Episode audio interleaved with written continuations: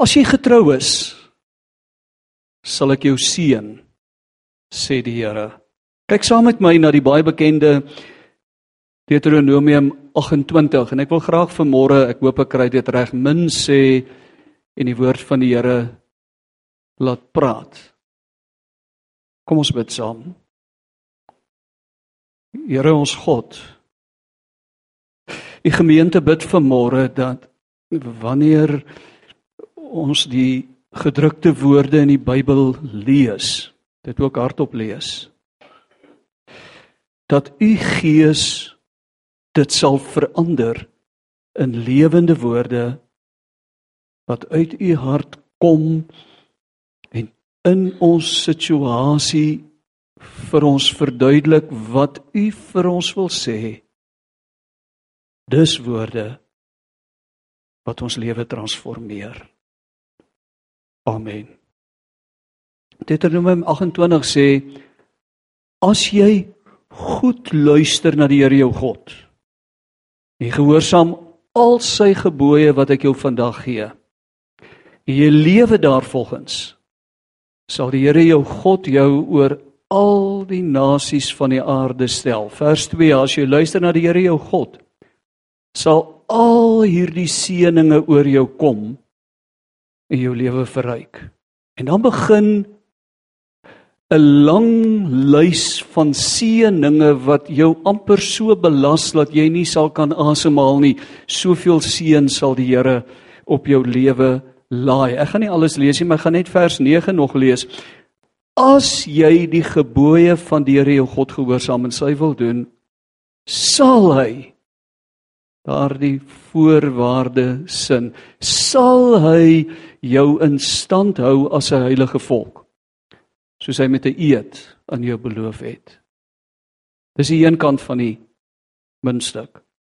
As jy die muntstuk omdraai, dan kom jy by vers 15 as jy nie luister na die Here jou God nie. Ek weet nie of u daai skrif kan lees nie, maar ek het 'n verkyker nodig om dit te sien. En jy gehoorsaam nie al sy gebooie en voorskrifte wat ek jou vandag gee en jy lewe nie daarvolgens nie, sal al hierdie strawwe oor jou kom en jou tref. En dan kry jy 'n soort gelyke lys van strawwe Jy sal later so maar wees, hulle sal jou met 'n krywa moet aansluit kerk toe as hierdie strawwe jou tref. Kyk na vers 20. Die Here sal die vloek oor jou stuur.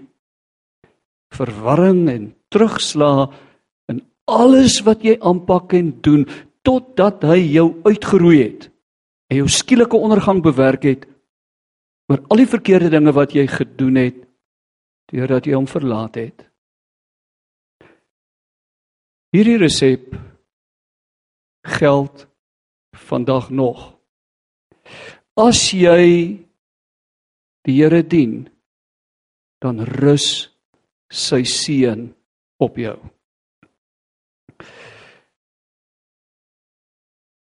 Die gedeelte het egter aanleiding gegee tot 'n teologie wat die volgende sê: As jy die Here dien, dan seën hy jou altyd. As jy doen wat hy vir jou sê, dan gee hy vir jou slim en gehoorsame kinders. Hulle soet. Hulle doen wat jy sê, hulle bring jou nie in die skande nie. As jy die Here eer deur jou tiende te betaal, dan seën hy altyd jou besigheid. Jy gaan soveel besigheid bykry. Jy sal later nog 'n klomp mense moet aanstel en jy sal net heers oor al die goeie dinge wat hy vir jou gee. As jy hom dien, dan hou hy jou altyd gesond. En dan word daar 'n stuk resepmatigheid in hierdie gedeelte gepreek. Health, wealth and prosperity as jy doen wat die Here vir jou sê. Aan die een kant dink ek is is daar talle mense en die nie almal van ons hier wat kan getuig ek dien die Here en ek ervaar sy hand rus op my lewe hy seën my ek praat met hom ek noem vir hom en dan doen hy vir my Die probleem kom met die resep. Ek weet nie van ander mans nie. Maar die enkele kere wat ek 'n resep probeer volg het, het twee goed gebeur. Ek het moedeloos geraak voor ek alles gedoen het wat die resep sê en die resep wou nie werk nie. Ek het nie mooi agtergekom hoekom hy nie eintlik wou werk nie. Maar hy val plat. Ek dis 'n misoes, die arme ding wat ek probeer maak soos wat die resep vir my sê en ek het tot die gevolgtrekking gekom. Daar's sekerlik 'n rede hoekom my vrou die wasbak net regte hoogte is en die stoof ook vir haar en nie vir mans nie. Resepte werk nie altyd nie. Ek het 'n vriend gehad daar in Kreursdorp en dan as hulle met vakansie gaan vra hy pas my huis op. Eerste keer het ek vir hom gesê alarm, gekoppelde alarm. Gesê nee. Nee, ons is kinders van die Here. Ons vertrou die Here. Hy kyk agter ons huis. Niemand kan agter my huis kyk soos die Here nie. En een Sondagmôre het hy na kerk by die huis gekom. Toe het hulle ingebreek, ook die kluis oopgebreek en sy vier gewere gesteel. Hy het maande se moeilikheid gehad. En die maandagooggend, die eerste ding wat hy gedoen het, het hy 'n gekoppelde alarm geïnstalleer. Die afgelope week het talle mense in die gemeente beleef dat die swart luiperd van die dood wat al agter ons aanloop, mense voorkeer en hulle wegneem. En dis nie altyd die wat oud en afgeleef is en partykeer wens dat die dood sal kom nie. Die dood stuur hom nie aan ouderdom nie. Hy kom wanneer hy wil. Dit gebeur dikwels dat kinders van die Here wat al hulle vertroue op hom stel, se kinders baie baie stout is. Ek het op 'n stadium as die skoolhoof na my selfoon toe skakel het ek gewens dat die dood my pad langs wou kom want dan my kind nou weer my in die skande gaan steek by die skool op een of ander manier. Het net nou weer 'n onderwyser geskel of 'n ander maatjie geslaan. Kinders van die Here wat getrou is ook in hulle finansiële bydraes tot die gemeente se besigheid kry swaar. Hulle speel ook soms bankrot. Job is 'n goeie voorbeeld van 'n man wat die Here gedien het en en sy seëninge beleef het tot op 'n dag dat hy alles verloor. Dat hy alles verloor. En dan kla hy die Here aan. Hy sê vertel vir my, hoe kan u my so behandel? Waar het ek iets verkeerd gedoen? Dan kom sy vriende by hom en sê: "Job, weet jy wat is jou probleem? Jy's eie geregtig. Jy eis dat jy nog geen sonde gedoen het nie. Die Here ken jou hart. Hy weet van daai klein sondetjie wat ver agter diep in jou hart weggesteek is. Dis waaroor hy jou gestraf het." En kan jy die einde van die verhaal onthou? Dan kom God by Job en hy sê: "Job, kom sit bietjie langs my." dan vertel jy my waar was jy toe ek hierdie wêreld geskep het? Waar's jy as ek alles in stand hou? Waar's jy as ek alles volgens my plan laat verloop? Jy wil my kom aankla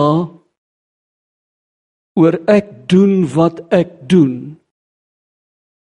Jy wil sê Here God, U maak nie soos die resep sê waarop ons ooreengekom het nie. Ek het U gedien. Hoe kan U toelaat dat hierdie goed in my lewe gebeur? En jy onthou wat Job doen? Hy sê ek sit my hand op my mond. Ek het gepraat waarvan ek nie geweet het nie. Ek het resepte op God probeer toepas. Nou het ek hom gesien en nou het ek niks meer te sê nie want nadat ek hom gesien het het ek hom vertrou dink aan hierdie laaste koortjie wat ons gesing gesing het as ek by u is As ek kyk van waar u kyk,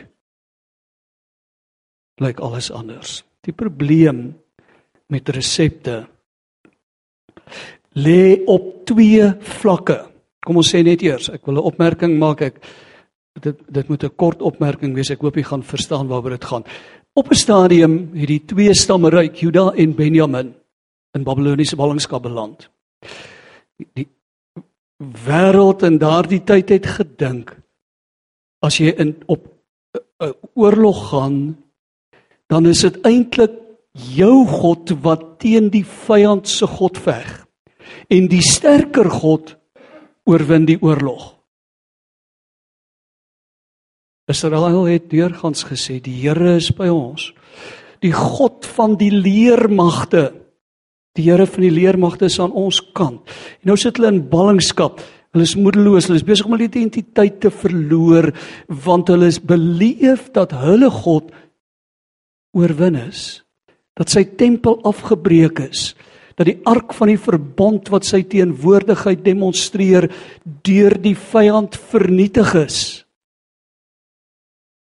En nou kom hier iemand wat vir hulle 'n verhaal vertel. Hy sê kom ek vertel julle hoekom is julle in ballingskap en hy begin letterlik by Moses en hy vertel die verhaal tot hier waar hulle nou in ballingskap sit en hy gebruik 'n resep. Hy sê ons sit hier omdat ons en ons voorouers nie die gebooie van die Here gehoorsaam het nie.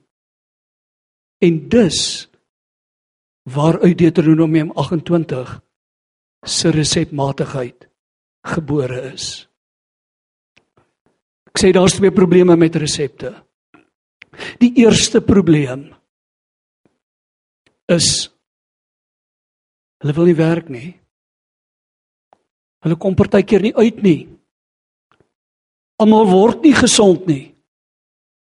Party gaan dood. Kinders word gebreklik gebore. Jy jou besigheid gaan onder omdat een van jou groot kliënte vir jou op groot skaal inloop. En dit gebeur of vertrou jy op die Here?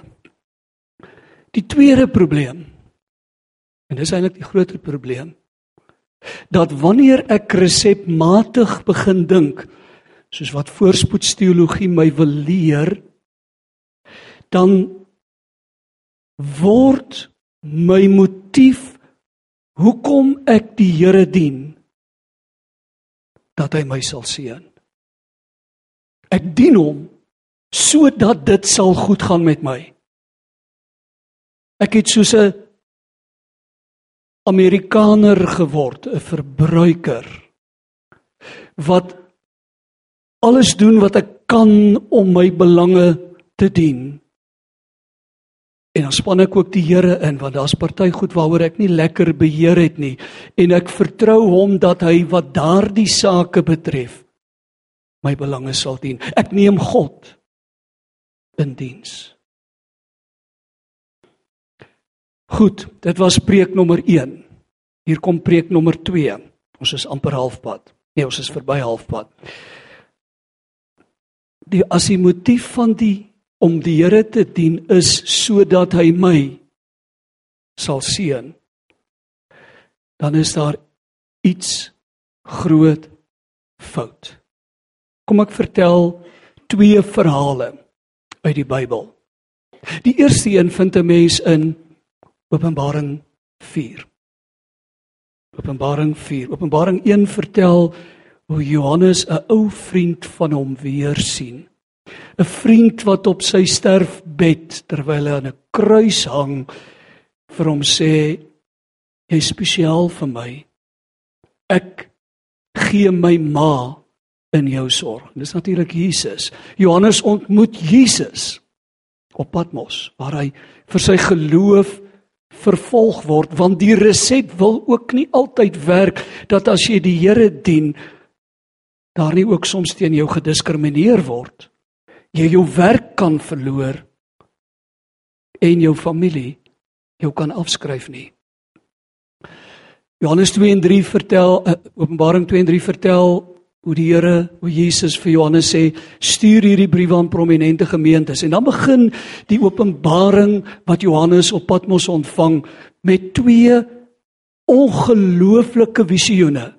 En as jy hierdie twee visioene verstaan, dan maak die res van al daardie vreemde idees en beelde in die boek Openbaring vir jou sin, want hierdie twee beelde sê vir jou twee dinge en dis die doel wat met die boek Openbaring gegee word. Luister mooi.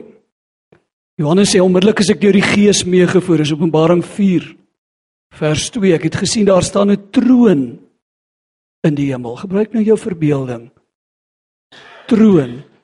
Op daardie troon sit daar iemand. Sy voorkoms is is van materiaal wat onbekostigbaar is soos opaal en karnieul.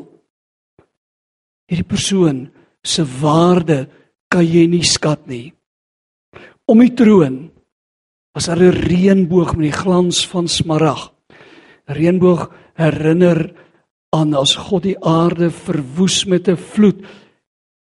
Dan sê ek sal dit nooit weer doen nie. Ek beloof en die reënboog word die simbool van die beloftes wat hy gemaak het. Reg rondom die troon was daar 24 ander trone. En op die trone het daar 24 ouderlinge gesit. Hulle het wit klere aangetree. Op hulle koppe was daar goue krones. Nou hoef jy nou nie saam met my interpretasie te stem nie, maar ek probeer dit nou vanuit die res van apokaliptiese literatuur verklaar. Verwys na die kerk in die Ou Testament, die 12 stamvaders. Die simbool daarvan is die kerk van die Nuwe Testament. 12 apostels wat wat die simbool daarvan is. Die kerk van alle eeue is hier by die troon van God. Wat sê dit vir jou? As jy deel is van die kerk, is jy in God se teenwoordigheid. Hy sorg vir jou. Jy lewe nie op aarde nie. Jy lewe in 'n wêreld gevul met God se troon. Vers 5. Daar weerligte dreunings en donderslae van die troon af gekom. In die Ou Testament die die tekens van God se openbaring dat hy sy heerlikheid aan mense toon. Vlak voor die troon het sewe fakkels helder gebrand. Dis die sewe geeste van God. God se gees in in sy volledigheid wat as sewe beskryf word. Ons gaan terugkom daarna. Voor die troon was dit soos 'n spieelgladde see, helder soos kristal. Waarna verwys dit? Voor die tempel ook voor die tent van samekoms by die altaar was daar 'n brons see van water en dit verwys na die nasies. Die nasies lê ook hier voor God se troon. Wat sê dit vir jou? Niks val buite sy beheer nie.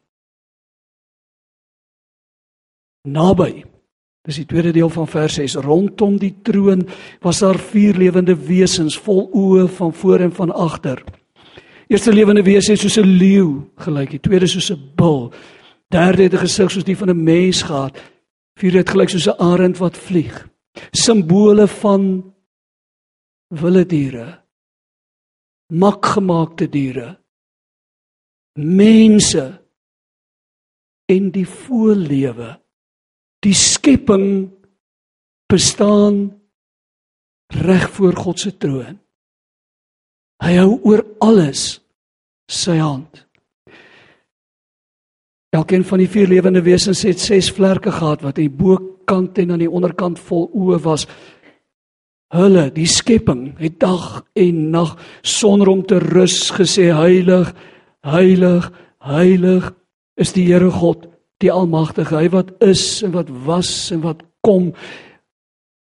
Woorde wat jou herinner aan Moses wat gestuur word om Israel te verlos en dan sê hy, "Wie moet ek sê stuur my?" En die een wat hom stuur sê, "Ek is wat ek is." Ek bestaan. As niks bestaan nie, bestaan ek. En dit wat bestaan bestaan omdat ek bestaan.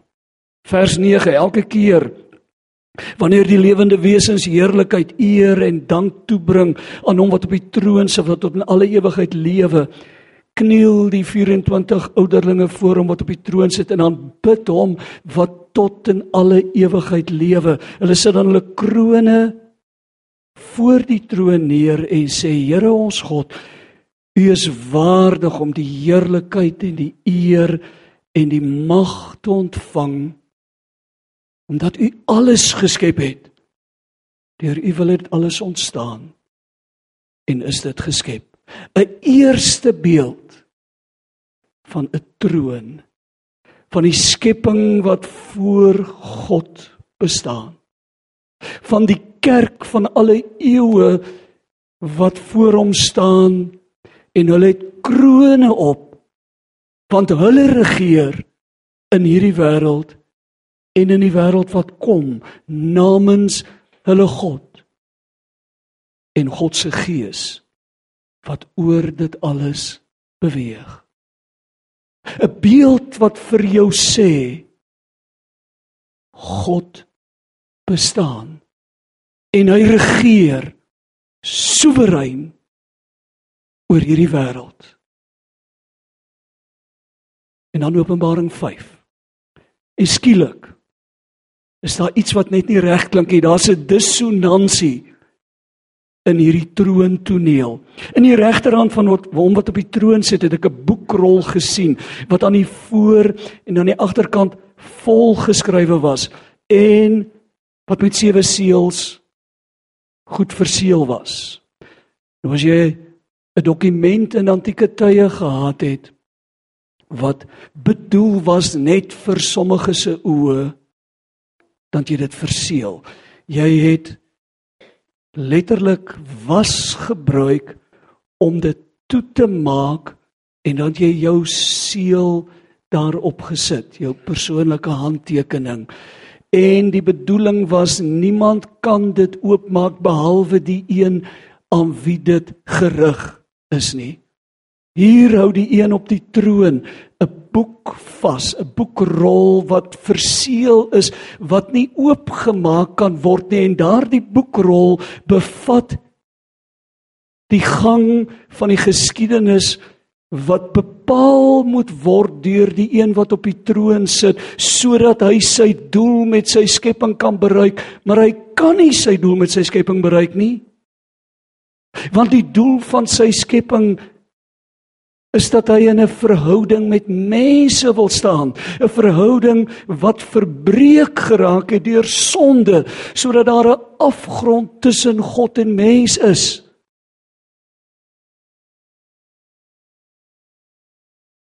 En God kan skynbaar niks daaraan doen nie. Kyk na vers 2.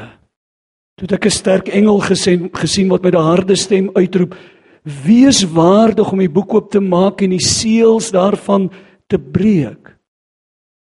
Maar niemand in die hemel of op die aarde of onder die aarde, selfs in die doderyk, was in staat om die boek oop te maak en daarin te kyk nie. Toe sê een van die ouderlinge vir my: Moenie huil nie, want Johannes huil. Hy sê God gaan nie sy doel met die skepping kan bereik nie. Die boek in sy hand bly verseël. Moenie huil nie, Johannes, kyk. Die leeu uit die stam van Juda. Die afstammeling van Dawid het die oorwinning behaal en kan die boek met die sewe seels oopmaak. Toe hy aan die kruis sterf, is die vloek van sonde gebreek. Toe hy aan die kruis sterf, het die mens wat die dood verdien die reg gekry op grond daarvan om te lewe. Vers 6: Toe ek voor die troon wat omring was deur die vier lewende wesens tussen die troon en die ouderlinge tussen die troon en die kerk. Die brug tussen die troon waar God sit en die kerk het ek een gesien, 'n lam sien staan, die een wat geslag was. Hy het sewe horings en sewe oë gehad. Die sewe oë is die sewe geeste van God. Wie se gees is dit wat hier in ons midde werk wanneer ons sing sodat mense die Here ontmoet? Dis Jesus se gees. Die sewe geeste van God wat oor die hele wêreld uitgestuur is. Vers 7. Hy het toe gegaan en die boek ontvang uit die regterhand van hom wat op die troon sit. Sit. En net toe die lam die boek neem, het die vier lewende wesens, die natuur, die skepping en die 24 ouderlinge, die kerk deur alle eeue voor hom gekniel. Elkeen van hulle het 'n siter gehad en 'n goue bak vol wierook die gebede van die gelowiges. Die gebede van die gelowiges. Wanneer ek en jy bid, gebeur iets met daardie gebede. Hoor wat gebeur. Dit word voor God se troon opgehou. Dit word deur hierdie een wat tussen die troon en die kerk staan, die lam wat geslag is, voor God gebring. En toe sing hulle 'n nuwe lied. U is waardig om die boek te neem en die seels daarvan oop te maak omdat u geslag is en met u bloed mense vir God losgekoop uit elke stam en taal en volk en nasie. U het hulle 'n koninkryk en priesters vir ons God gemaak. Hulle sal oor die aarde regeer, krone op hulle kop. Vers 11: Toe ek rondom die troon en die lewende wesens en die ouderlinge 'n groot menigte engele gesien. Hier kom die engele vir die eerste keer in, hè. Daar was duisende, der duisende. Ons weet nie waar hulle vandaan kom nie. Ons vermoed hulle bestaan selfs nog voor die skepping waarvan ons deel is. Maar ons weet dat hulle in God se diens staan groot menigte engele, miljoene der miljoene en ek het hulle hard hoor uitroep die lam wat geslag was is waardig om die mag en rykdom, die wysheid en sterkte, die eer, heerlikheid en lof te ontvang. Die hele skepping, alles in die hemel en op die aarde en onder die aarde en op die see, ja alles wat daar is het ek hoor sê aan hom wat op die troon sit en aan die lam behoort die lof en die heerlikheid en die eer, die heerlikheid en die krag tot in alle ewigheid. Die vier lewende wesens het gesê amen. En die ouderlinge het gekniel en God aanbid. Het jy die tweede boodskap? God regeer nie net nie. Hy gaan ook sy doel met sy skepping verwesenlik. Ons het die waarborg want die een wat die boek oopmaak en dit doen is die een wat klaar in ons plek gesterf het. Hoekom hierdie tweede preek? Want ek wil vir jou sê as jy in die versoeking trap om God in diens te neem en om te dien sodat hy goed aan jou sal doen mis jy alles. Dis eers wanneer jy die troonkamer van God lank genoeg bekyk het sodat dit in jou lewe gebeur sodat jy in 'n wêreld leef omgewe deur God omdat jy in Christus is dat jou lewe God se plan verwesenlik dat jou lewe bereik waarvoor Jesus gesterf het. Ek sluit af. Filippense 2. Ook net in tyd sluit ek af.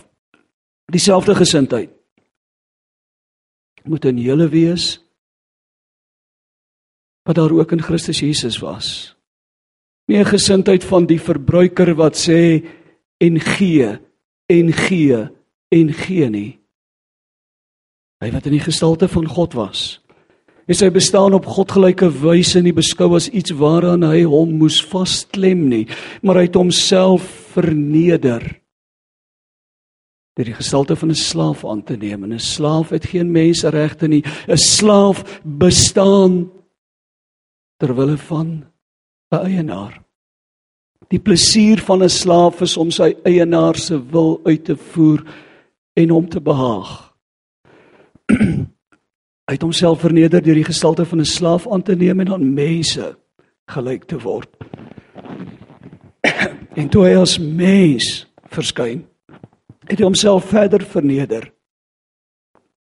Hy was gehoorsaam tot in die dood. Ja, die dood aan die kruis. Dis natuurlik niemand wat genade het en vir my water gaan aanbied. Daai lekker fonteinwater wat jy het. Nie. Daarom het God hom ook tot die hoogste eer verhef. Hom die naam gegee wat bo elke naam is. Sodat in die naam van Jesus elkeen in die hemel en op die aarde en onder die aarde die knie sou buig elke tong erken Jesus Christus is Here tot eer van God. Jy ook die behoefte om jou keel skoon te maak as 'n ander ou se stem wegraak. Ek sluit af. Eintlik het ek vir jou 'n lang storie vertel om jou 'n vraag te vra. Hoekom dien jy die Here? Wat is die rede dat jy die Here dien? Dien jy hom sodat hy jou sal dien? Het jy al gedink dat dit dalk 'n motief kan wees hoekom 'n mens die Here dien?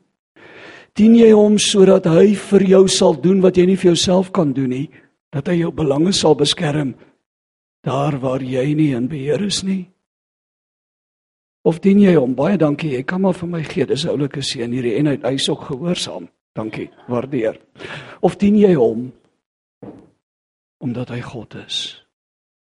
Omdat hy God is. Omdat hy groot is. Het jy hom in sy heerlikheid gesien? Het jy sy seun aan die kruis gesien? wat sê ek wil graag jou verhouding met hierdie God herstel sodat jy hom in sy grootheid en in sy soewereiniteit sal kan beleef.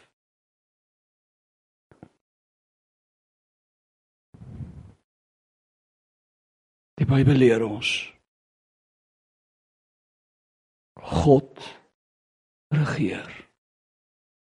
Die Bybel leer ek en jy is klein elementjies in 'n baie groot raamwerk wat voor God se troon staan en hierdie boek rol wat die plan met God se skepping bevat gebeur omdat hy op die troon sit.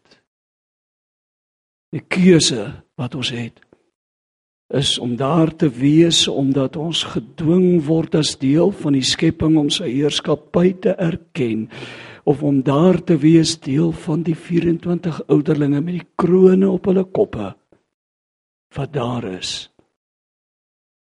om met hulle hele hart eer aan God te bring. U is waardig. U is waardig. U is waardig. Kan ek vir jou 'n geleentheid gee vir 'n oomblik in jou eie hart in te kyk en te vra hoekom dien ek u? Here kom sit ek vanmôre in die kerk? Hoekom kom sing ek? Hoekom bid ek? In diens van wat staan my gebede my godsdienstbeoefening? Waaroor gaan dit? Gaan dit om my gaan dit om God. Kom ons spandeer 'n paar oomblikke voor ons uit die kerk uit gaan en aangaan met ons lewe. 'n Vraag te beantwoord wat vermoed ek ewigheidsbelang kan hê vir jou en vir my. Here Kom wys vanmôre vir my wat is die motief hoekom ek u dien. Doen ek dit uit selfsug? Is ek nog steeds slagoffer van selfsug wat ook die mense om my dalk gebruik om my belange te dien? Of het ek oor daardie grens gegaan waar dit om u gaan?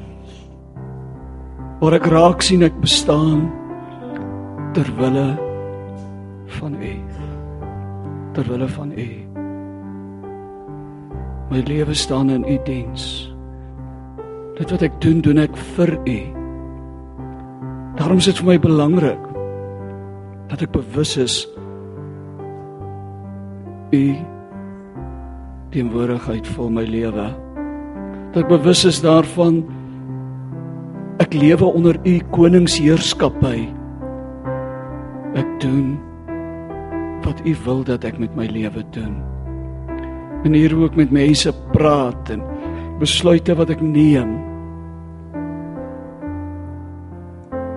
Dit reflekteer wat vir u belangrik is. En ek gebruik my gebede nie om vir u te vertel wat u vir my moet doen nie. Maar eerder om vir u te vra. Wat wil u hê, Here? Hoe wil u hê moet ek optree? Wat is wat is u plan? Wys my net genoeg sodat ek 'n medewerker kan wees. Ook as die dinge my pad langs kom wat wat ek vir myself sou wens nie. Dat ek nie daarteen in opstand kom nie maar dit in gebed na u bring en sê dit kan nie gebeur Here as u dit nie toelaat nie want my lewe is ingevou in die genade dat dit voor u troon afspeel en as u dit toelaat kom bereik u doel kom bereik u doel en kom maak my u medewerker. Here, moenie my moeilikheid wegvat nie. Bereik u toe daarmee in my lewe sodat ek elke keer die eksamen kan slaag en na 'n volgende graad oorskuif om uiteindelik van nut op die nuwe aarde te wees in u die diens.